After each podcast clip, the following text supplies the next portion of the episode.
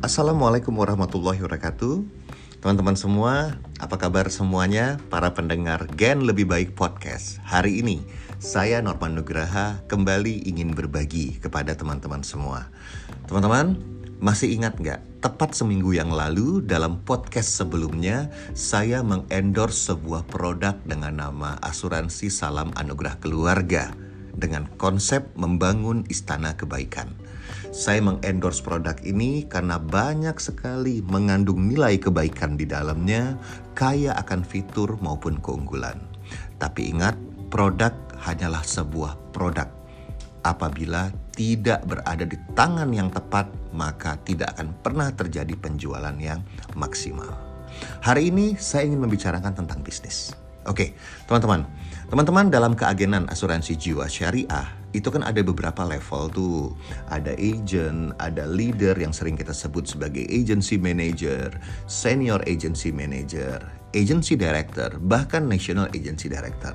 Tapi ingat, level itu hanya sekedar level di sistem untuk membedakan kompensasi, benefit, fungsi, tugas, dan tanggung jawab ya. Tapi sadar nggak sih, apa pun level itu, semuanya adalah pebisnis, sama rata semuanya.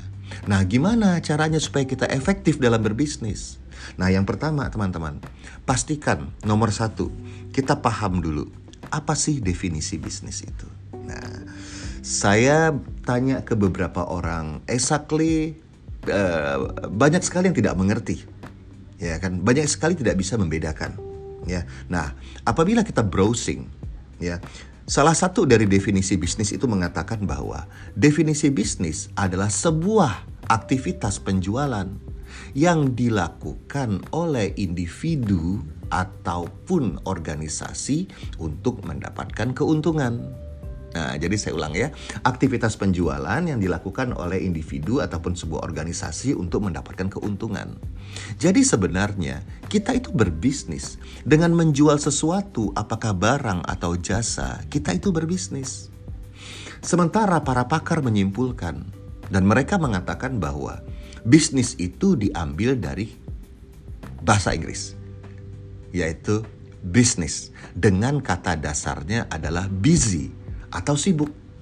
Maka kalau kita kolaborasikan kedua hal ini, ya, yaitu melakukan kesibukan aktivitas penjualan untuk mendapatkan laba, untuk mendapatkan keuntungan. Jadi sebenarnya kalau kita tidak melakukan proses penjualan dan kita tidak sibuk melakukan penjualan, sesungguhnya kita bukan pebisnis yang efektif. Efektif dari sisi hasil. Ya, teman-teman. Jadi apabila kita mengacu kepada kata dasarnya dan mengacu kepada definisinya, ya kita ini memang harus sibuk berjualan. Dan salah satu indikatornya adalah apabila nih setiap hari nggak berasa tiba-tiba pagi ketemu malam, pagi ketemu malam, pagi ketemu malam. Seakan-akan 24 jam itu tidak cukup, mungkin butuh 25 jam. Seakan-akan 7 hari seminggu itu tidak cukup. Mungkin butuh 8 hari, bahkan butuh 32 hari mungkin dalam sebulan. Nah, itu salah satu indikatornya bahwa kita sibuk melakukan penjualan. Jadi kalau misalnya tidur kita lebih banyak dibandingkan dengan aktivitas penjualan, nongkrong kita lebih banyak dibandingkan dengan aktivitas penjualan, ya jangan mencap diri kita sebagai seorang pebisnis yang hebat. Jangan mencap diri kita sebagai pebisnis yang luar biasa itu belum berbisnis sepenuhnya. Jadi, kembali lagi teman-teman, apa pun levelnya Anda, Anda itu adalah pebisnis dan seorang pebisnis harus sibuk melakukan aktivitas penjualan untuk mendapatkan laba. Yang kedua adalah kita memperluas pengetahuannya kita. Harus sering-sering belajar, teman-teman. Dan belajar itu metodologinya banyak. Bisa membaca, bisa mendengar, bisa menonton. Nah sekarang, membaca pun kita malas. Kita browsing, kita cari tips-tips, kita cari hal-hal yang efektif. Kalau itu aja kita malas kan udah susah. Ya wis lah nggak apa-apa kalau kita malas membaca. Kita mendengarkan deh. Ya, kita hadir di training-training, kita mendengarkan para Uh, pengajar-pengajar uh, yang memang sudah berpengalaman dan ahlinya. Kalau mendengar pun kita sudah malas, ya susah juga teman-teman ya seorang pebisnis harus memperluas memperluas pengetahuannya karena zaman itu berubah terus itu yang ketiga memahami konsep bisnisnya itu sendiri. Ya, kita harus tahu gitu loh. Sekarang ini kita lagi berbisnis apa? Konsepnya apa? Oke, kita spesifik lagi. Bisnis kita adalah asuransi. Kita harus paham asuransi itu apa, manfaatnya apa, tujuannya apa. Kalau kita tidak paham, ya sulit. Ya, harus kita pahami dulu konsep dasarnya. Asuransi itu sebuah produk yang diciptakan bukan karena seseorang mengalami musibah atau akan meninggal suatu saat, tetapi asuransi itu didesain karena ahli warisnya harus menjalani hidup dengan layak apabila keluarganya atau kepala keluarganya tidak ada lagi. Asuransi itu berbicara sebuah warisan. Asuransi itu berbicara sebuah produk cinta kasih yang harus dimiliki orang tua terhadap anaknya yang harus dimiliki seorang suami terhadap istrinya. Itu produk yang memberikan sebuah kepastian, perlindungan nilai ekonomi suatu ketika dalam bentuk warisan. Apalagi zaman sekarang dengan adanya unit link banyak orang salah kaprah. Asuransi untuk investasi salah. Kalaupun itu ada investasinya, itu adalah keunggulan produk bukan konsep dari asuransi itu sendiri. Dan yang diinvestasikan pun sisanya setelah dipotong biaya-biaya. Jadi kalau hasilnya nanti lebih besar dari modalnya, ya syukur alhamdulillah. Kalau sama, syukur alhamdulillah. Kalaupun masih ada, syukur alhamdulillah. Ini kalau lebih kurang malah komplain. Jelas-jelas sisanya mau dapat lebih banyak. Ya nggak bisa. Kenapa nasabah berpikiran seperti itu? Karena kita salah menjelaskan. Kenapa salah menjelaskan? Karena kita tidak paham konsepnya. Ketemu nasabah langsung jelasin fitur produk. Come on teman-teman. Tidak ada orang yang membeli fitur. Orang itu membeli karena manfaat. Seperti itu ya. Jadi kita harus pahami lagi nih, konsep asuransi itu apa sih sebenarnya? Nah, yang ketiga teman-teman, yakin ya. Kita harus punya keyakinan berbisnis dengan produk yang kita tawarkan ke orang-orang. Apalagi dalam spesifiknya produk asuransi jiwa, tidak ada yang lebih bagus, tidak ada yang lebih hebat, tidak ada yang lebih jelek. Semuanya bagus karena konsepnya udah sangat bagus, sama di mana-mana konsep asuransi. Ya, hanya cocoknya yang mana nih? Nasabah kebutuhannya apa?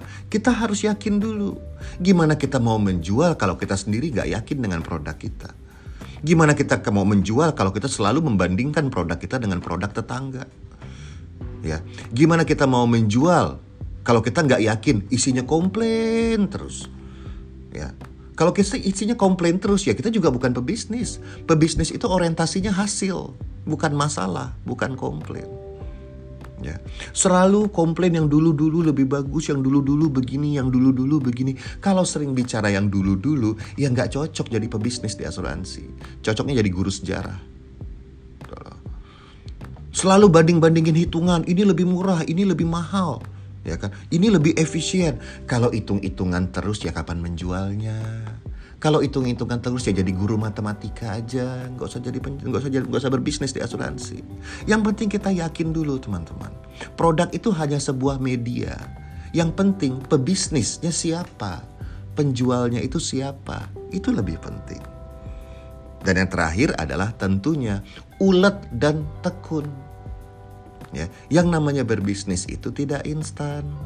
Berbisnis itu tidak gampang gitu loh. Mulai dari hal yang kecil-kecil sampai dengan bisnis kita bisa berskala besar. Ya. Setiap kita jatuh, bangun lagi. Setiap kita jatuh, ya bangun lagi. Kalau kita memang nggak bisa terbang, ya udah kita lari. Lari pun kita nggak bisa, ya kita jalan. Jalan pun kita nggak bisa, kita merangkak. Nah, selama arahnya ke depan, hajar terus. Itulah sebuah keuletan, sebuah ketekunan. Pengalaman saya cukup lama di asuransi jiwa. Tidak ada formulasi yang lain selain ulet dan tekun atau rajin. Oke, teman-teman, ini yang saya bisa share ke teman-teman. Dan ingat, Anda adalah pebisnis. Dan pebisnis itu harus sibuk melakukan aktivitas penjualan. Pebisnis itu harus selalu memperluas pengetahuannya. Pebisnis itu harus paham dengan konsep komoditasnya Dan seorang pebisnis tentunya juga harus yakin dengan produk yang harus dia bawa dan pasti teman-teman tetap ulet, tetap tekun. Insya Allah Anda bisa. Ya, oke teman-teman, demikian hari ini sharing saya ke teman-teman semua. Semoga bermanfaat dan terus belajar karena belajar nggak ada batasnya. Tetap dengerin Gen Lebih Baik Podcast. Assalamualaikum warahmatullahi wabarakatuh.